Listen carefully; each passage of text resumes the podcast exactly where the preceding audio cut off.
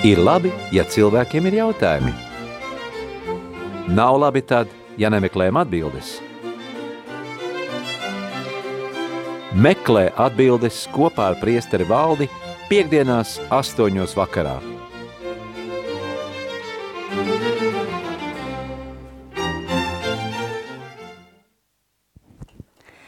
Lai slavēts Jēzus Kristus, labvakar vēlreiz rādījām arī klausītāji. Pūkstens ir astoņi vakarā, un kā jūs tikko dzirdējāt, ir pienācis laiks raidījumam meklē atbildes kopā ar priesteri valdi.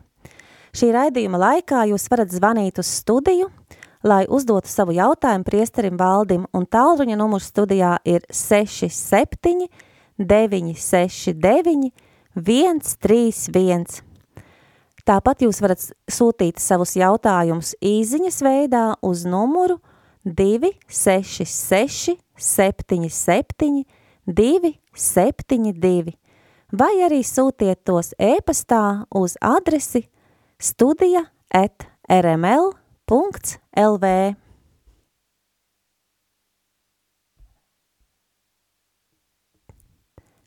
Priesteri valdi, vai jūs dzirdat mani? Šobrīd izskatās, ka priesteris valdis uh, ir Lai ir slavēts Jēzus Kristus. Mūžīgi mūžas. Tā, mums jau ir arī daži jautājumi no mūsu klausītājiem iesūtīti. Un sākšu tad ar pirmo īziņu, kas mums ir ienākusi. Lai slavēts Jēzus Kristus. Jāņa evaņģēlijā Jēzus sacīja – Viss piepildīts. Ko Jēzus bija domājis šajā brīdī? Nu, citreiz grūti ir atbildēt ad hoc uz šādiem jautājumiem, vajag ne, nelielu tādu refleksiju, pārdomu, nu, ko Jēzus piepildīt, ir viņa tas uh, mīlestības tā parādīšana. Viņš ir izpildījis cilvēku pestīšanu, to viņš saka noteikti uz krusta, viss piepildīts. Viņš ir piepildījis cilvēces pestīšanu, Es varbūt, atdodot nu, savu dzīvību, vai ne? es paturpināšu, varbūt tās tas viss ir kontekstā, ja es izlasīšu līdz galam to īziņu. Apustuļa Pāvila vēstulē ebrejiem 7. nodaļā 27. pantā viņš raksta, jo viņš ir izdarījis reizi par visām reizēm pats sevi upurādams. Turklāt, turklāt ebrejiem 9. nodaļas 28. pantā viņš raksta, tā arī Kristus vienreiz upurēts. Tātad, ja ievērojam rakstīto proti reizi par visām reizēm, kā arī vienreiz upurēts, tad jautājums man ir sekojošs. Kāpēc Jēzus dzīvā miesa tiek upurēta katrā misē no jauna, ja viņš to ir izdarījis reizi par visām reizēm – miris krustā mūsu dēļ. Nu, bet Jēzus arī iestādot šo sakramentu upuri, viņš saka, cik, kad jūs to darīsiet, dariet manai piemiņai, mēs aktualizējam. Mēs katru reizi aktualizējam to Jēzus upuri uz krustā katrā svētajā misē. Mēs viņu aktualizējam. Tas ir arī viņa testaments. Īstenībā pēdējās vakariņās, ja mēs lasām, viņš atstāja, atstāja mums šo testamentu, lai arī mēs to turpinām. Viņš jau nenosvinēja pēdējās uh, vakariņas, neiestādīja svēto sakramentu tikai tai vienai reizei. To Jēzus uh, upuru mēs svinām katrā svētajā misē.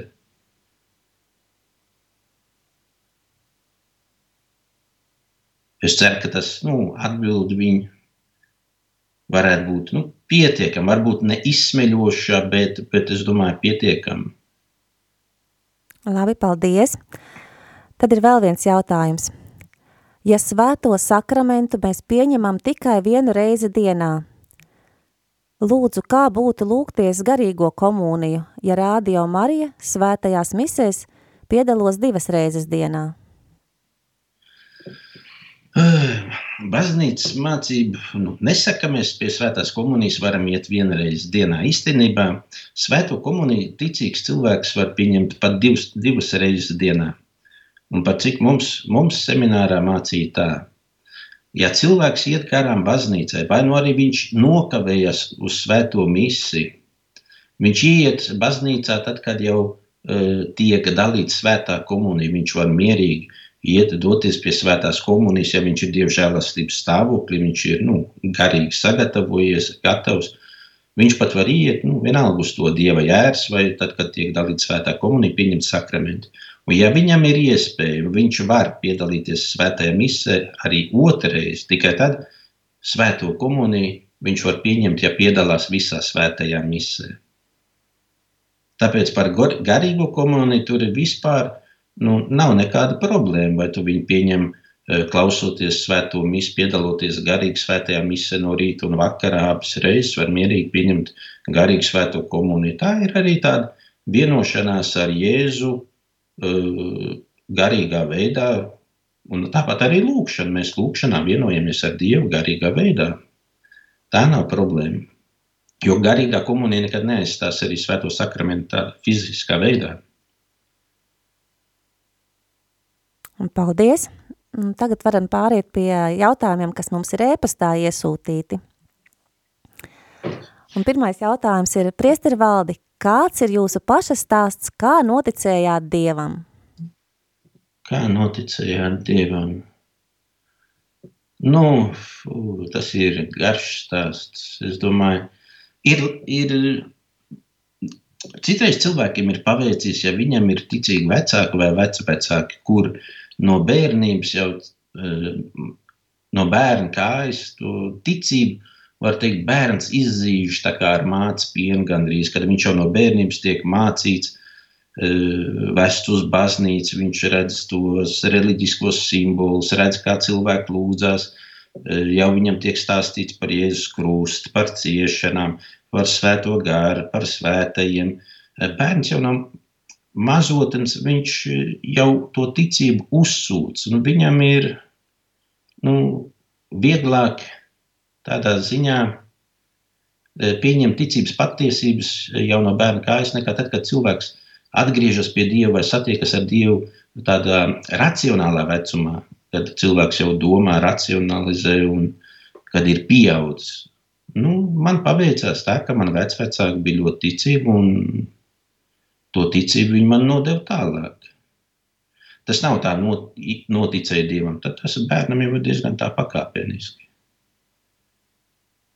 Tas manī nu, tika ieaudzināts. Es saprotu, nu, labi, nākamais jautājums. Un kā jūs izlēmāt kļūt par priesteri?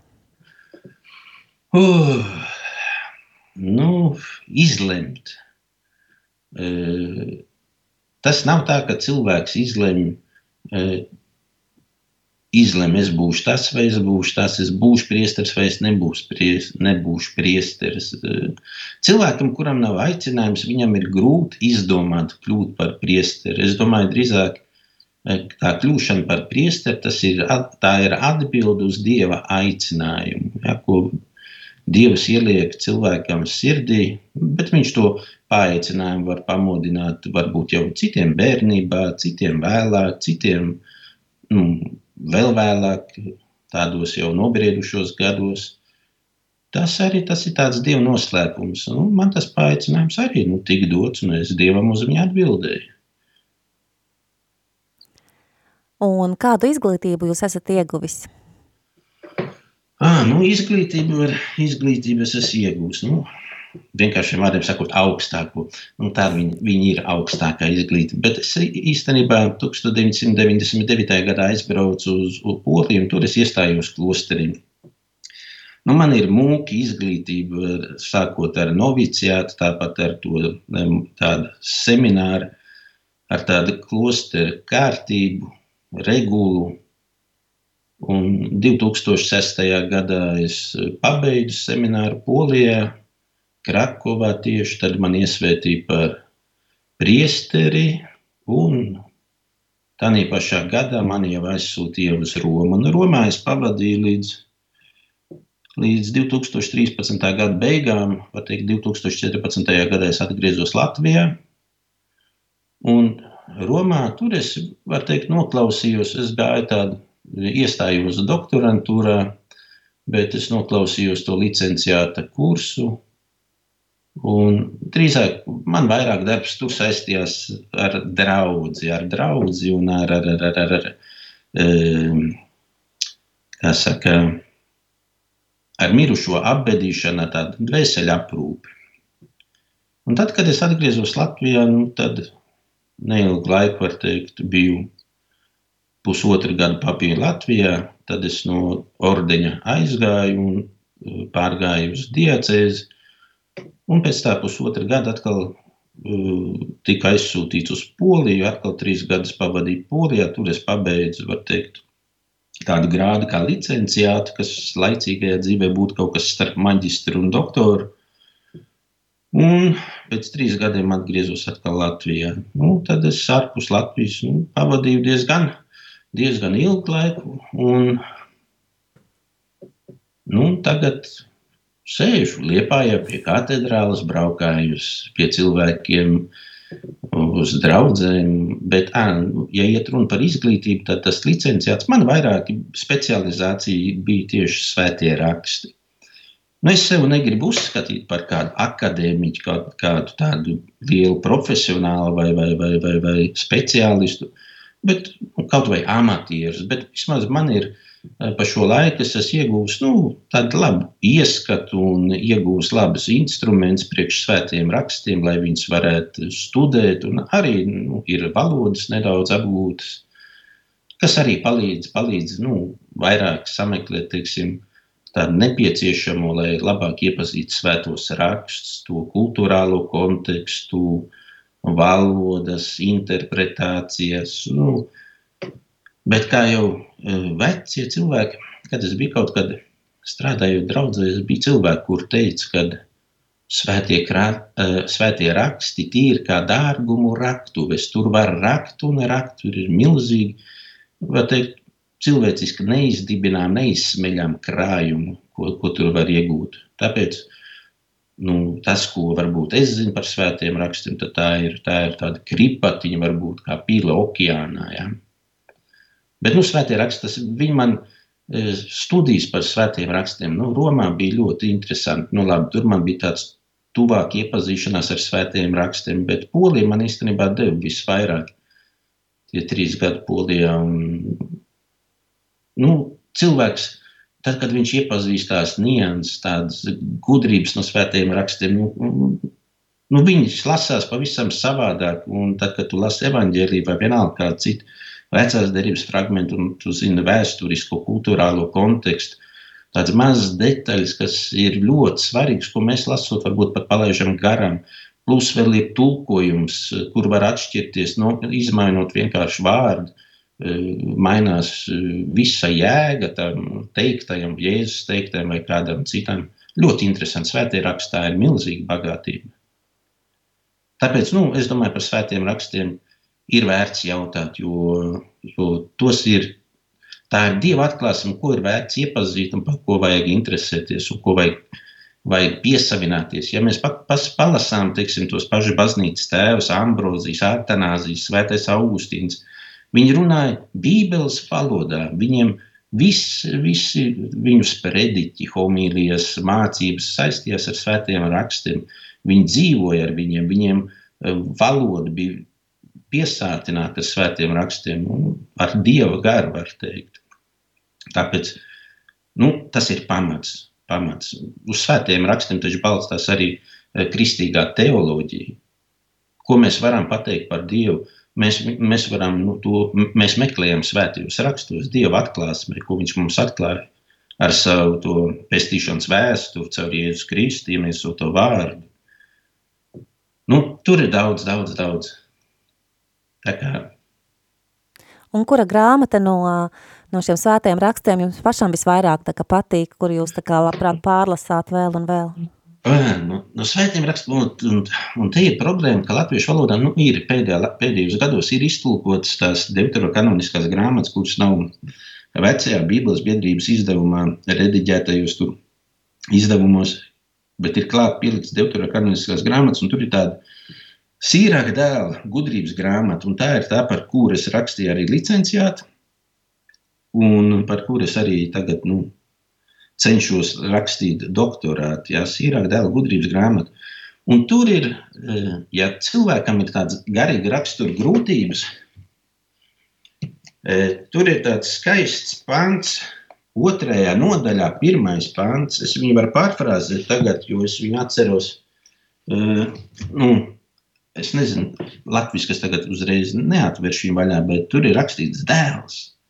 Ja tu gribi kalpot Dievam, tad sagatavo savu dvēseli, un tad tālāk tur ir vārds pērasmon. Tas var būt ciešanas, tie var būt pārbaudījumi. Ja? Ja kāds grib kalpot Dievam, tad viņam jābūt gatavam arī uz dažādiem pārbaudījumiem, pretestībām, bet ir kaut kas tomēr eh, tāds, kas iedrošina šie vārdi. Ja? Grūtos brīžos īpaši. Tas man kā semināristam, kā jaunam, teiksim, Eh, klosterī, kas nu, nesen iestājies. Nu, tēls, ja tu gribi kalpot Dievam, sagatavo savu dvēseli ciešanām. Smuki. Jā, skaisti. Varbūt tās uh, dosimies nelielā muzikālā pauzē. Jā, un tad, es varēšu padzirties. Jā, tieši tā, un tad turpināsim tālāk.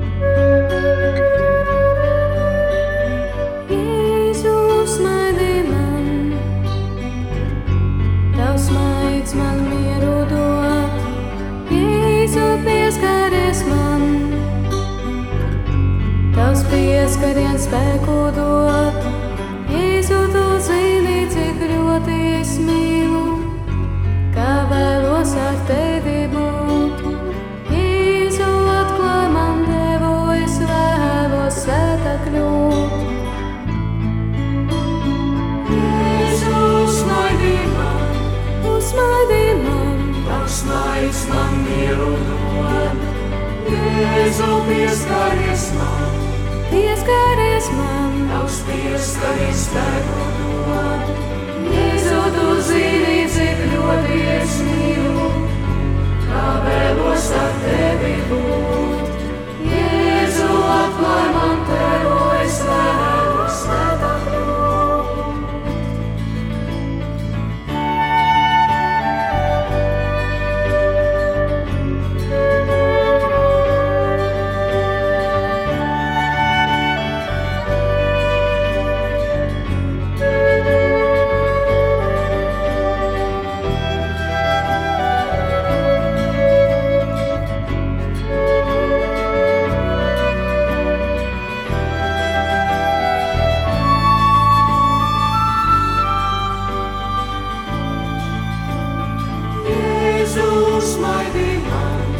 Tavs maidinām, Tavs maids man mieru dod, mieru dod. Jēzu pieskaries man, pieskaries man, Tavs pieskaries spēku dod, spēku dod. Jēzu tu zini, cik ļoti es mīlu, kā vēlos ar tevi būt.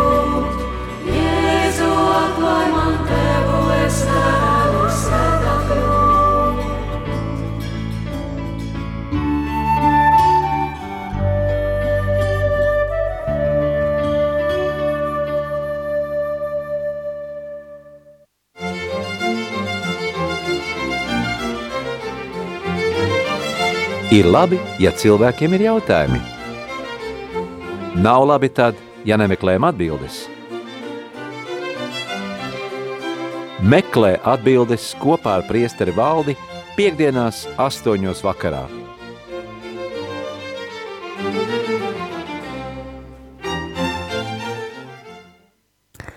Esam atpakaļ studijā un vēlreiz atgādinu, ka jūs varat zvanīt uh, uz numuru 679 69 131 un uzdot savus jautājumus, uz kuriem jūs meklējat atbildes. Un varat sūtīt arī šos savus jautājumus īziņā uz numuru 266 77 272 vai arī rakstiet ēpastu uz studija at rml.lv. Pirms muzikālās pauzes mēs runājāmies ar priesteri Valdi par uh, viņa personīgo pieredzi par šo priestara kalpojumu, par svēto rakstu studēšanu. Es vēl gribēju pajautāt, cik valodas jūs pārvaldat, ja jūs studējāt tik daudz laika ārzemēs? Mm. Es domāju, ka pārvaldīt nevar nevienu valodu, pat dzimto valodu. Nevienmēr es varu runāt pareizi. Man, man bija pat tāds gadījums, kad dzīvojot Romā, es biju aizmirsis pāris latviešu vārdus un lasot vienu recepti. Es tur sastapos ar to vienu vārdu, un es domāju, ko tas nozīmē. Latviešu valodā izlasīju, bet es ilgi domāju, kādu pusstundu, kamēr es sapratu, kas tas ir par vārdu. Nē, nu kādās valodās es varu runāt? Nu, Polijā es runāju poliski, Itālijā runāju itāliski, ja ceļot kaut kur, nu, tur ir jārunā angliski. Nu, tās ir tādas valodas no svešu valodām, protams, ka mācījos arī sengrieķu valodu, koinē, tas ir grieķu, nu, bībeles valoda jaunās derības, un, un, un, un, un, un, un tā nav klasiskā grieķu valoda, bet nu, viņas ir līdzīgas. Senebreju valodu mācījos, aramiešu valodu mācījos, vēl es lauzos caur Sirjako, kas ir arī aramiešu dialekts. Eh, Pešita ir tāds eh, eh, svēto rakstu tulkojums sarakstīts tādā Sirjako valodā, un, un tas ir tās valodas, nu, kurās Es nevaru teikt, ka es viņās varu, tur, nu, tādas senās valodas, protams, ka brīvi runāt nevar, bet, ja vajag, tad ar, ar instrumentu palīdzību, jā, var, var nu, daudzas lietas, protams, ka saprotu, bet, bet nu, ar instrumentu palīdzību var ļoti labi iziet cauri svētajiem rakstiem un var saprast tās detaļas, nianses, iztulkot, jā, kā, kā vajag. Paldies! Uh, vēl ir jautājums, Kas jums personīgi visvairāk patīk priestara kalpojumā? Oh, priestara kalpojumā ir prieks redzēt, ka cilvēki atgriežas. Pieņemsim, ja kāds sen nav bijis pie grēksūdzes, un redz, ka cilvēks ir e, atgriezies pie Dieva, kad viņš ir nožēlojis. Teiksim, grēksūdzes sakraments, jā. E, to es labprāt. Nu, citiem cilvēkiem varbūt, nu, ir grūti pieiet pie bikts, viņiem ir kauns, viņi kautrējas par saviem grēkiem. Citreiz viņiem ir labāk nezināt, ka kaut kas ir grēks, tur maskē, izskaistina ar vārdiem. Bet, eh, ja cilvēks nožēlo grēkus un grib izlīgt ar Dievu, tad tur jāiet ar vaļsirdīgu sirdi. Un tur nav jādomā, vai tas ir tāds priesteris vai šitāds jauns, vecs, bet pārsvarā nu, es zinu, ka cilvēki izvēlās varbūt gados vecu, tādu, kas ir kurlāks un mazāk redz, jā, tad mierīgi tādu var pieiet pie grēksūdzes, bet labāk ir pieiet pie, nu, pie priestera kā pie dieva instrumentu un atklāt izsūdzēt grēkus, nožēlot un, un, un, un saņemt grēku piedošanu, ja tas ir iespējams, un turpināt svētdarīties, censties iet tādu svētu dzīvi. Jo, kā evanģēlē taču arī rakstīts, ka pat eņģeļiem ir lielāks prieks par katru cilvēku, kas atgriežas, nekā par tiem 99 taisnīgajiem. Jā? Tas ir katrs cilvēks, kurš atgriežas pie Dievu un novēršas no ļauna, no grēka. Tas Dievam sagādā prieku. Un līdz ar to es domāju, ka nu, cilvēkam pašam arī ir tas prieks. Cilvēki bieži vien, es domāju, staigā virs zemes, viņi lido. Tad, kad viņi ir attīrījušies, ka viņi ir atbrīvojušies no kaut kāda grēka smaguma, kas viņus nospiež, kas viņiem neļauj brīvi, kā saka, garīgi elpot. Tā izlīkšana ar Dievu, grēcinieku atgriešanās. Un es bieži cilvēks arī aicinu, grēksūdzes, es arī saku, lūgties par grēcinieku atgriešanos.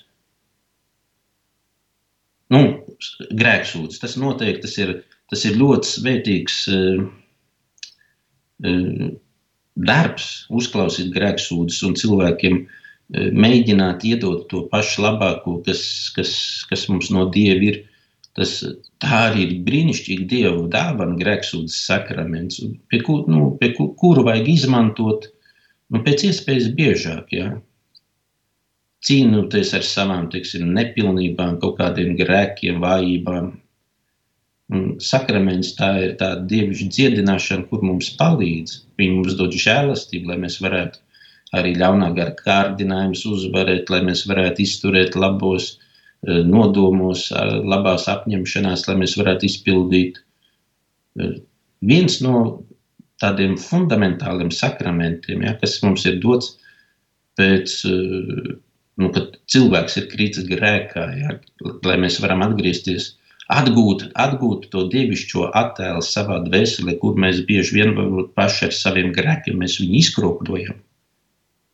Mēs ar grēksūdas sakramentu attīram šo attēlu, mēs atjaunojam sevi dievišķo līdzību, jo mēs pēc dieva līdzības esam radīti pēc viņa attēlu. Tas ir nu, ļoti svarīgi. Kas īpaši tagad arī jāuzsver lielā gaveņa laikā. Kas vēl man no tādiem nu, patīk? Nu, Nu, labi, paliksim šoreiz pie, pie, pie šī grēksūdzes sakramenta. Jā. Lai tas ir, jo tas tā ir brīnišķīga dāvana, par ko mums Dievam vajadzētu ļoti pateikties. Pat ja cilvēkam nav bijis iespējas tikt pie uh, sakramenta, ja viņam nav bijuši iespēja kaut kā tikt uz svēto misu, bet uh, viņš nomirst pēc grēksūdzes, Dieva žēlastības stāvokļa, es domāju, tas ir pats svarīgākais. Jā, lai mēs visi cilvēki tā dzīvot un tā tādā uh, dievu žēlasirdības stāvoklī arī pasauli atstāt, ja no šeit aizietu. Paldies par jūsu atbildi. Vēl ir jautājums, vai svētajā misē Jēzus upurē sevi bezasiņu, garīgā veidā? Jēzus upurē sevi. Ai. Jēzus upurē sevi zem maizes un vīna zīmēm. E, svētajā misē tas, kas tiek upurēts, ir Jēzus. Tas, kas upurē, ir Jēzus. Un tas, uz kā tiek upurēts, ir Jēzus. Jā, ka Jēzus izpilda. Jēzus ir tas altārs, Jēzus ir e, tas pats upuris, un arī tas, kas upurē, ir Jēzus. Un mēs, mēs saņemam, jā, pašu kungu Jēzu Kristu, mēs saņemam zem maizes un vīna zīmēm. Nu, tur, tur tā teoloģiski tur to var, var vēl, vēl iztirzāt šo jautājumu, e, jo katrs priesteris ir alter Kristus, ja, kurš upurē.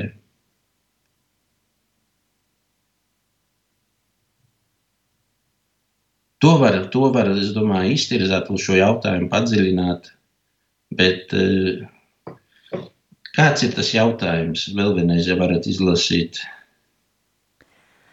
Vai svētajā misē Jēzus upurē sevi bez asiņu, garīgā veidā? Nu, tas ir bezasiņu upuris. Tas ir bezasiņu upuris.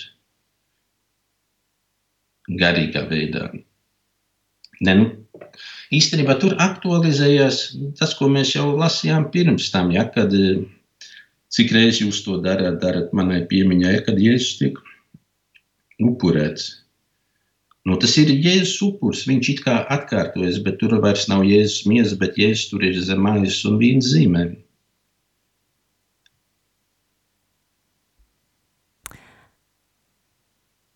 Labi, pāriesim pie nākošā jautājuma.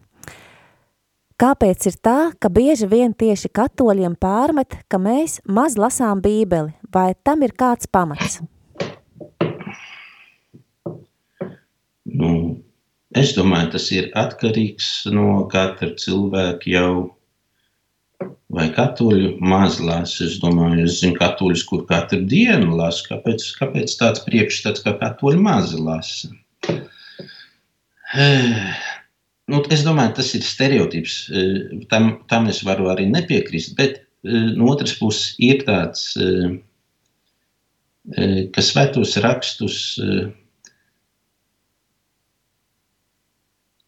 Katoļu baznīcā bija ne tikai svētie raksts, katoļu baznīcā bija svarīga arī tradīcija.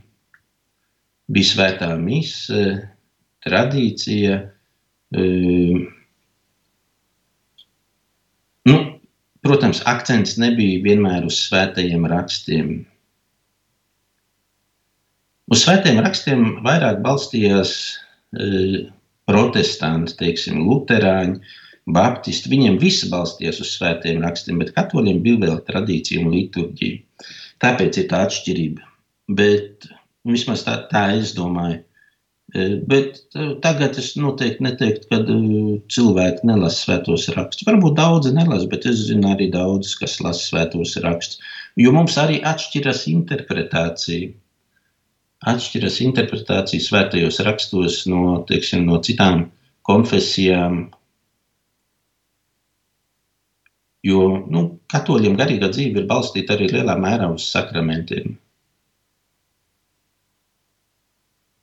Un, vēl ir no šī paša klausītāja jautājums, tā kā varbūt kā turpinājums, kā saprast, kuras rakstu vietas jāuztver burtiski, bet kuras kā alegorijas?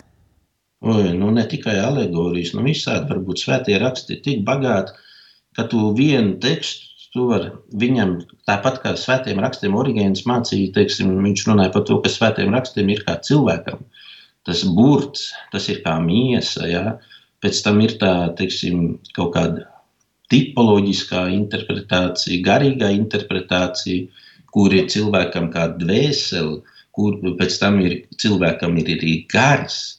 E, pat varbūt tos tekstus, kurus mēs izlasām un saprotam tikai burtiski, kāds cits tur atradīs arī ļoti dziļu tādu garīgo simboliku, e, varbūt kaut kādu metaforisku nozīmi atradīs. To tā nevar pateikt, kur ir jāsaprot garīgi, kur ir jāsaprot eh, burtiski. Un baznīcas vēsturē bija arī vairākas interpretācijas skolas. Bija, bija Aleksandrijas skola, bija Antiohijas skola, kur bija tāda literārā, teiksim, analīze, vairāk eh, interpretācija, un bija kur origēnam, kuram bija tā alegoriskā interpretācija. Un Divu dažādu baznīcas tēvu varēja skaidrot vienu un to pašu fragment dažādos veidos. Viens varēja būt teiksim, kā miesa, ja? varēja iedziļināties tādās um, detaļās, ko mēs varam saskatīt tekstā, tādā burtiskā veidā, un otrs varēja iztulkot to ļoti tādā garīgā veidā. Tas ir vienkārši tas. Uh, nu, svētie raksti ir daudz bagātāki nekā mēs viņus, mēs viņus redzam. Ja? Tā nevaram teikt. Tāpat arī psalmus, kaut vai mēs, varam, mēs viņus varam lasīt burtiski, skatīties, kāds tur studē, teiksim, no kaut kādas vēstures kritiskās puses, e, skatīties, kāds ir tas laiks, kurā viņš tika sarakstīts, kāds bija tas vēsturiskais konteksts, kas tur varēja būt. Bet mēs no otras puses atkal varam lasīt viņu tādu tīri simboliski. Ja? Uh, tādu ar garīgu interpretāciju, saskatīt pavisam kaut ko citu. Tas ir daudz bagātāks. Nav tik vienkārši, nav tik vienkārši. Tur ar svētiem rakstiem ir jādzīvo. Tad, tad arī cilvēks saskatīs, saskatīs to, ko vajag saskatīt. Saskatīs miesu, saskatīs dvēseli, saskatīs garu. E, bet ar viņiem vajag dzīvot. Ilgi, ilgi vajag dzīvot. Tāpat kā mēs mācāmies svešvalodas, ja? Ja kāds cilvēks aizbrauc uz svešu valsti, viņam vispirms pienāk laiks, kad viņš sāk atšķirt frāzēs, atšķirt vārdus. Tāpat arī svētajos rakstos mēs vispirms atšķiram tur kaut kādas lietas, pēc tam mēs saprotam to nozīmi. Pēc tam valodu mēs mācāmies ilgi, mēs mācāmies gadiem. Jā, jo ilgāk mēs dzīvojam kādā svešā valstī, jo labāk mēs sākam iemācīties to valodu, mēs iemācāmies idiomus, kaut kādas nianses, valodas tur kultūras, pas, nu, tādas lietas. Un tāpat tas ir ar svētiem rakstiem. Jo ilgāk mēs viņus pārdomājam, lasām, piesavināmies, piesūcamies ar svētajiem rakstiem, kā švamma ar ūdeni, nu, tad arī mēs labāk sākam saprast. Mēs vairāk redzam vienā vārdā, mēs varam saskatīt daudzas lietas, vienā teikumā mēs varam saskatīt vairākas lietas. Dievs caur to vienu vārdu vai vai to pašu vienu pantu mums var pateikt. Viņš var runāt vairākās dimensijās. Viņš var mums var pateikt par laicīgo dimensiju, viņš mums, mums kaut ko var pateikt par garīgo pasauli, var, var arī par kaut kādu iekšējo savu pasauli, var uzrunāt visdažādāk. Paldies! Un tagad, lai skan dziesma, nāc svētais gars, nāc apvieno. Nāc svētais gars, nāc svētais gars, nāc, nāc mūsu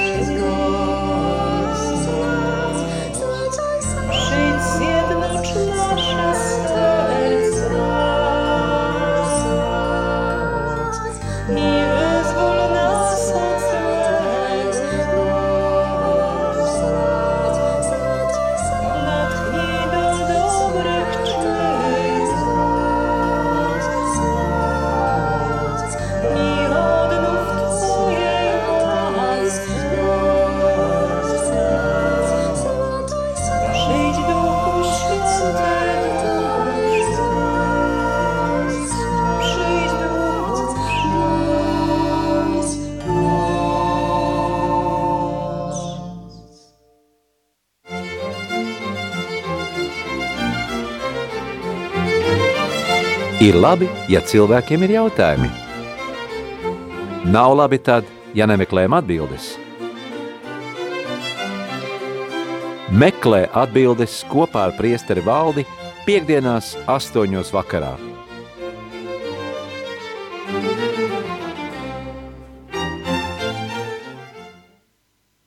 Un tā turpinam meklēt atbildes uz mums neskaidrajiem jautājumiem. Un kāds klausītājs vēl ir iesūtījis šādu jautājumu.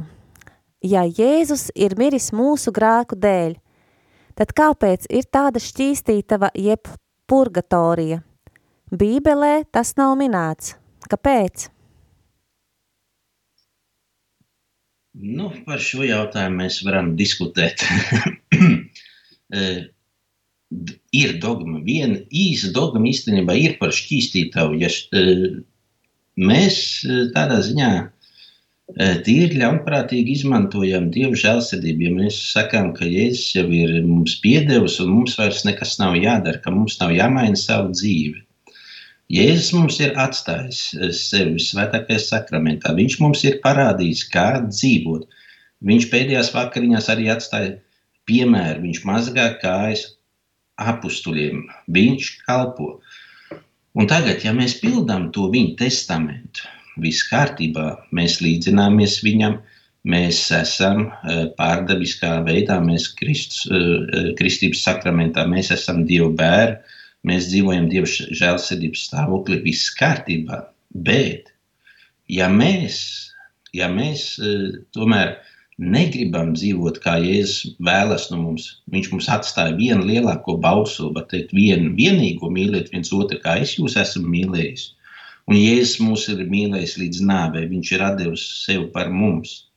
Un ja mēs darām otram pāri, tad vai tad mūsos ir līdzība ar Jēzu Kristu? Nē, tad mēs grēkojam.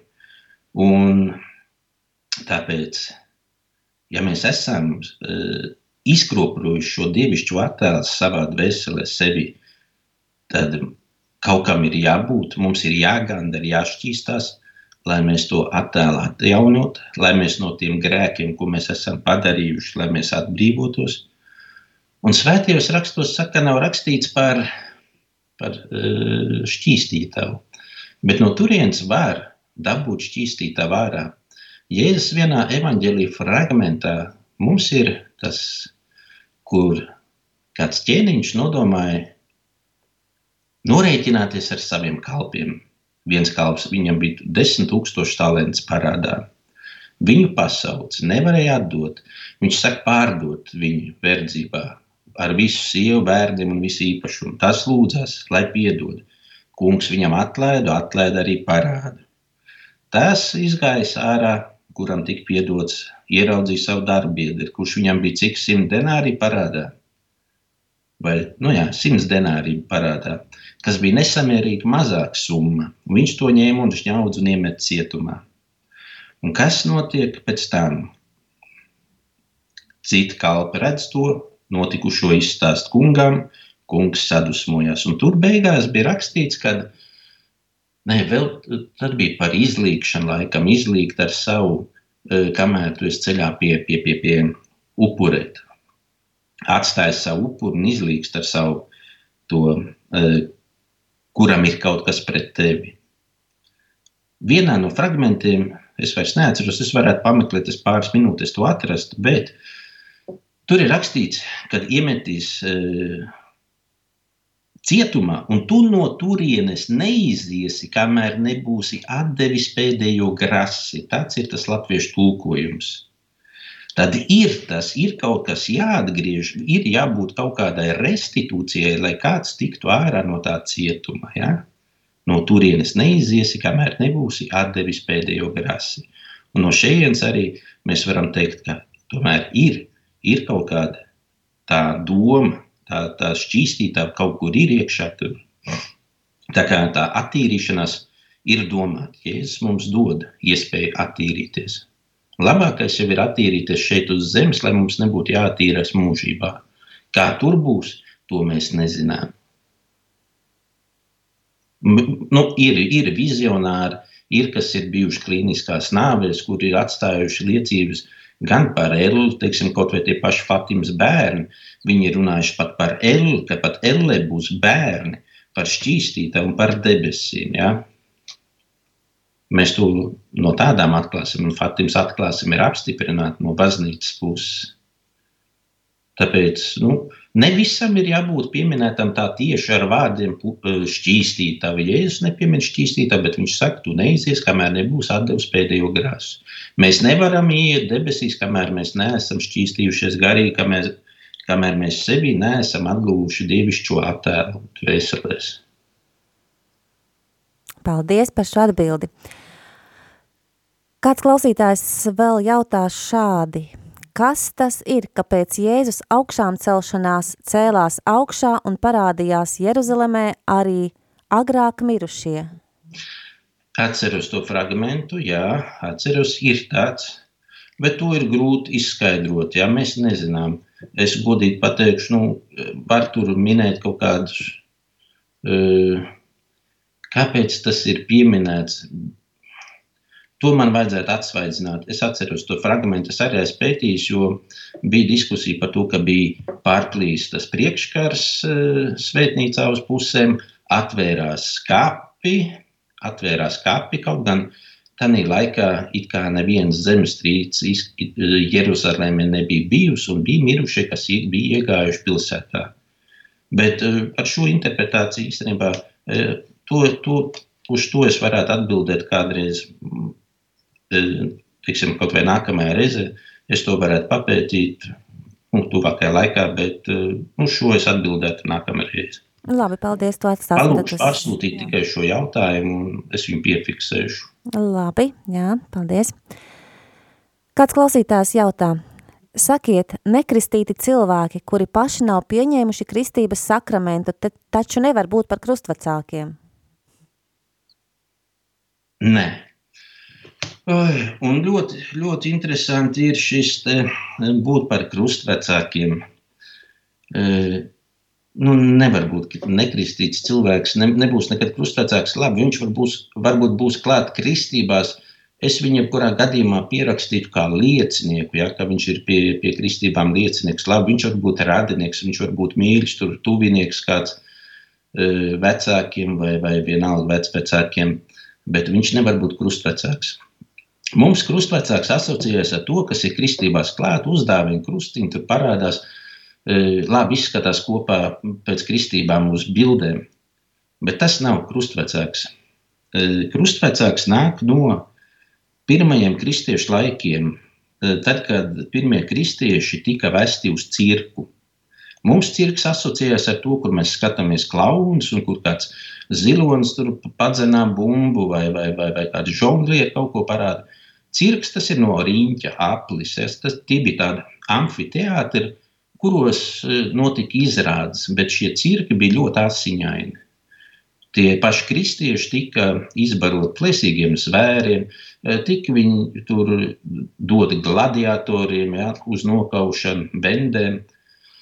Un vedot kristiešu uz cirku, e, tie, tie kuri vecāki, kuriem bija bērni, viņi teica saviem no draudzes, citiem kristiešiem, viņi teica tā, lai tu ņem manu meitu, tu ņem manu dēlu. Ja? Un tie vecāki, viņi palika, e, krustvecāki bija kā vecāki, viņi bija vecāku vietā. Tas ir krustvecāks. Krustvecāks ir tas, kurš rūpējas par e, šī bērna izaugsmi, ne tikai fizisko, intelektuālo, bet arī par garīgo, kurš lūdzas par šo bērnu, kurš nodod arī tālāk ticību, ja vecāki ir e, nodod, varbūt vai nenodod, bet krustvecāki ir atbildīgi arī pie tā bērna garīgās izaugsmas, kur nu, nodod ticību un lūdzas par šo bērnu. Tas ir krustvecāks nostāties kopā pie baznīcas un nofotografēties, pateikt, paklanīties un pateikt, jā, vai jūs apzināties jūsu pienākumu, jā, jo kristības rīta jautājums tur ir, vai jūs krustvecāki apzināties, kādu pienākumu jūs esat uzņēmušies, un visi atbild, jā, ka viņam ir pienākums palīdzēt vecākiem kristīgās audzināšanas darbā. Jā, nu, viņi tā atbild, bet īstenībā ir kāda, varbūt viņi to krustbērnu vispār pēc tam aizmirst, varbūt tur uz, uz Ziemassvētkiem aizsūt kādu nezinu, iPad vai, vai, vai, vai mobilo telefonu uzdāvina vai kaut ko tādu. Ja? Bet to īsto pienākumu viņi atstāja, viņi nepilda. Bieži vien es tā domāju, man tāds priekšstats pēc tām kristībām, ko es esmu nu, svinējis vai bijis klāt. Nu jā, tas tā dzīvē varētu būt, jo ir jau arī situācijas, ir. ir jau arī tādas situācijas, kur, piemēram, bērnu nokristīja, vecmāmiņa tā kā labu gribēdama, bet vecāki bērnu, bērnu vispār vecāki tiek slēpta tā informācija, ka tas bērns ir nokristīts, jo ja vecāki, piemēram, to nevēlas, arī tādas situācijas mēdz būt. Jā, varbūt arī tā. Un, un tad tam krustvecākam ir ļoti grūti īstenībā to ietekmēt, jo viņš jau nemaz nevar to bērnu audzināt tajā kristīgajā garā. Bet tajā brīdī viņš tomēr var vienmēr lūgties, ja? tāda apziņa, lūgties, izlūgties to žēlastību. Jo tas, ko mēs nevaram izdarīt fiziski, ja? mēs varam darīt garīgi un uzticēt Dievam. Jo Dievs jau redz, ka mēs fiziski to nevaram izdarīt. Ja? Būt klāt pie audzināšanas, nodot ticību un tā tālāk. Bet mēs varam lūgties, mēs varam upurēt, ja? mēs varam gāvēt, mēs nu, varam daudz ko citu darīt tādā ziņā. Vecmāmiņa, protams, kad, kad tas bērns beigās tiek, nu, viņš tiek nokristīts uz vecmāmiņas kristības, uz vecmāmiņas ticības pamata. Jā. Pat ja viņam tā ticība netiek nodota tālāk, bet nu, krustvecāki ir noteikti, es ceru, nu, tad, ja ir ticīgi cilvēki, tad viņi lūksies par to, lai tas bērns būtu ticīgs. Mm, paldies jums! Ir šāds jautājums. Kāda atšķirība ir starp katoļiem un protestantiem? Oi, atšķirība ir milzīga īstenībā. Ļoti milzīga. Nu, jo e, pēc e, nu, 16. gadsimta, teiksim, 1517. kad e, tiek, nu, notiek šķelšanās, ja, kad ir tie paši luterāņi, kalvīnisti un citi, atmet daudz baznīcas dogmas. Pieņemsim, e, luterāņiem nu, un citiem protestantiem, baptistiem – nav tāda sakramenta. Ja, nu, ko katra baznīca atzīst pie viņiem kā sakramenti, tā man liekas bija, mm, tā bija kristība, kas ko atzīst par sakramentu. Un, un, un, un katoļi arī noteikti atzīst teiksim, to pašu luterāņu laulību. Ja? Ka viņiem tāda laulība ir, tā viņiem ir spēkā, viss kārtībā. Pārējās lietas, nu, nu nav. Mums ir bijušas tādas dalīšanās, ir tādas dogmatiskās, teoloģiskās atšķirības, detaļas, kur, kur nu, ir grūti vienoties. Tāpēc es jau vienreiz man prasīju par ekumenismu. Es saku, mēs varam kopā Mēs varam, nu labi, mēs varam palūkties, ja? mēs varam kādu karitatīvu akciju uztaisīt kopā, varam iziet to krustceļu par pilsētu, ja varam palasīt svētos rakstus, rakstus bet ja mēs ieejam detaļās, tādās nu, sīkākās, eh, mēs nevaram nonākt pie vienošanās. Vai nu vienam, vai nu otram ir jāpiekāpjas.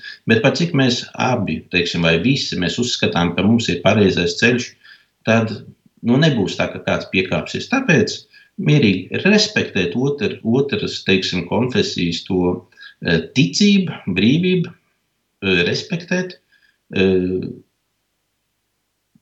runāt, es domāju, dot liecību par savu ticību. Nu, ja tas cilvēks, teiksim, no citas konfesijas pieņem, pieņem, nepieņem, nepieņem, ar varu neviens netiek, netiek piespiests. Nevar piespiest, nevienmēr var pieņemt kaut ko. Ja? Es varu tikai aicināt, bet piespiest nē. Un, un būs atšķirības, jebkurā gadījumā. Lai arī, teiksim, Lutāņi vai, vai citi teiks, ka viņiem ir tas pēdējais vakariņēdiens, kakls nekad nepateiks, ka tas ir sakraments.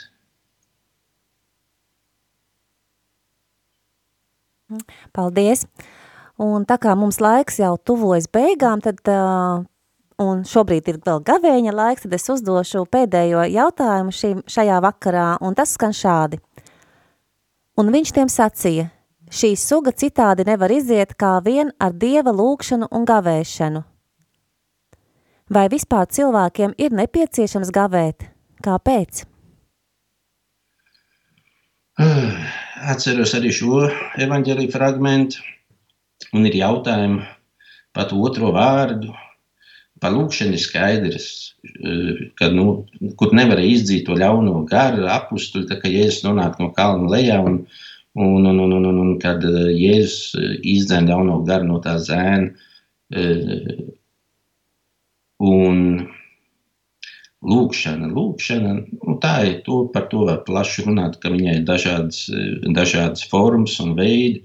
Visādos veidos mēs varam lūgties. Tā ir saruna ar Dievu, tā ir dvēseles pacelšana pie Dieva, bet gavēnis. Eh, ir Bībeles pētnieki, kuriem saka, ka šis gavēnis tika pievienots klāt vēlāk. Evanģēlē viņš no sākuma nebija. Un šo gavēni pievienoja klāt tūkstnešu mūki, jo tūkstnešu mūki, dzīvojot tūkstnesī, viņi ļoti gavēja. Viņi, viņi mērdēja savu miesu un kādu Kāda nozīme ir gavēnim? Gavēns ir atteikšanās. Tā, tā nav diēta, kad es atturos no, no, no, no, no, no, no, no kaut kādiem ēdieniem, lai es nomestu savu riepu, ja, teiksim, vēderu. Bet uh, gavēns ir atteikšanās no labām lietām. Tā ir atteikšanās no labām lietām, lai mērdētu. Uh, mērdētu tas ir sadot nāvi dot nāvi, dot apmēram triecienu, dot cirtienu kādam, dot uh, nāvi uh, miesas kārībām, uh, mērdēt miesu, lai ierobežot kaut kādas miesas kārības, ja, lai, lai miesa būtu pakļauta garam. Jo arī Svētais Pāvils raksta, ka ir Eh, gars pretojas mm, tai miesai un miesa pretojas tam, kas ir gara. Ja? Un viņš arī runā par to mērdēšanu, dot nāvi tam, kas ir uh, grēcīgs uh, miesas locekļos. Tāpēc uh, tas ir labs instruments īstenībā, līdzeklis. Tas nav mērķis mērdēt, mērdēt. Kristietības mērķis ir mīlestība, tas pats augstākais mērķis, bet tas ir miesas mērdēšana ir uh, ierobežot savus uh, kārības. Es domāju, nu, cilvēkiem ir skaidrs, tas nav tikai atteikties no gaļas. Ja mums piekdienās nemaz nav gavēns, piekdienās ir tikai atteikšanās no gaļas ēdieniem. Bet lielā gavēņa laikā mēs varam mērdēt teiksim, visdažādākos veidos, atteikties teiksim, no televīzijas, atteikties no kaut kādiem seriāliem, atteikties no interneta, no kaut kādām no izklaidēm. Tāpēc lielā gameņa laikā e, ļoti ierasts ir, kad cilvēki atsakās e, no, no ballēm, diskotēkām, netiek kaut kas tāds svinēts, nekas tāds nenotiek. Nu, mums ir ļoti labs laiks, jo tādā ziņā labs laiks, ka nenotiek tādas, tādas publiskas izklaides. Viņas ir, teiksim, ar likumu viņas ir aizliegts, bet uh, Bērni var atteikties no saldumiem, pārmērīgi, no kaut kādām mūtenēm, nu, nu, no viss tā, kas mūs varētu kaut kādā veidā lutināt. Mēs ejam tādā garīgā, garīgā klimatā, lai koncentrētos vairāk uz, uz, uz tiem garīgiem noslēpumiem, Kristus ciešanām un augšām celšanos, un arī caur gavēnu mēs cenšamies kļūt līdzīgāk, līdzīgāk Jēzum Kristum ceru, ka nu, daudz maz es, nu, visi šie jautājumi kaut kādā veidā ir e, atbildēti. Ja kāds nav e, pietiekami apmierināts ar manu atbildi, var, protams, rakstīt tālāk, jo, ja atbildi raisa nākamo jautājumu, ļoti labi var uzdot arī to nākamo jautājumu. Nu, tad meklēsim atbildes uz visiem šiem jautājumiem. Un vēl viens, es domāju, nu, tas ir kaut kā nedaudz pārāk laimojoši. Meklēsim atbildes ar priesteru valdi. Nē, es domāju, tas būtu RML QA. Ja, tas question and answer. Tāds raidījums QA. Ar ko tas jau ir mazāk svarīgi. Liels. Nu, es ceru, ka daudziem cilvēkiem ir, ir kaut kāda skaidrība, jo mm, es tāpat arī domāju par tiem cilvēkiem, kuri ir iepriekšējās reizēs uh, jautājuši, un kuri atrodas dažādās grūtībās un ir problēmas ar piedošanu vai ar veselību. Bet nu, es saprotu, ka man ir jābeidz. Es visiem novēlu tādu svētīgu vakaru un svētīgu visu nākamo laiku, lai mēs varētu cienīgi sagatavoties Kristus augšām celšanās svētkiem, lai tu slavēts Jēzus Kristus. Mūžīgi mūžos slavēts. Liels paldies, priesteri valdi, par jūsu atbildēm. Es domāju, ka mēs turpināsim nākošajā reizē atkal ar jautājumiem, bet šovakar atvadīsimies un uh, gribu novēlēt visiem svētīgu šo atlikušo gavēņa nedēļu un lai visiem ir gaiši un priekpilni lieldienu svētki, kunga augšām celšanās svētki. Ar Dievu!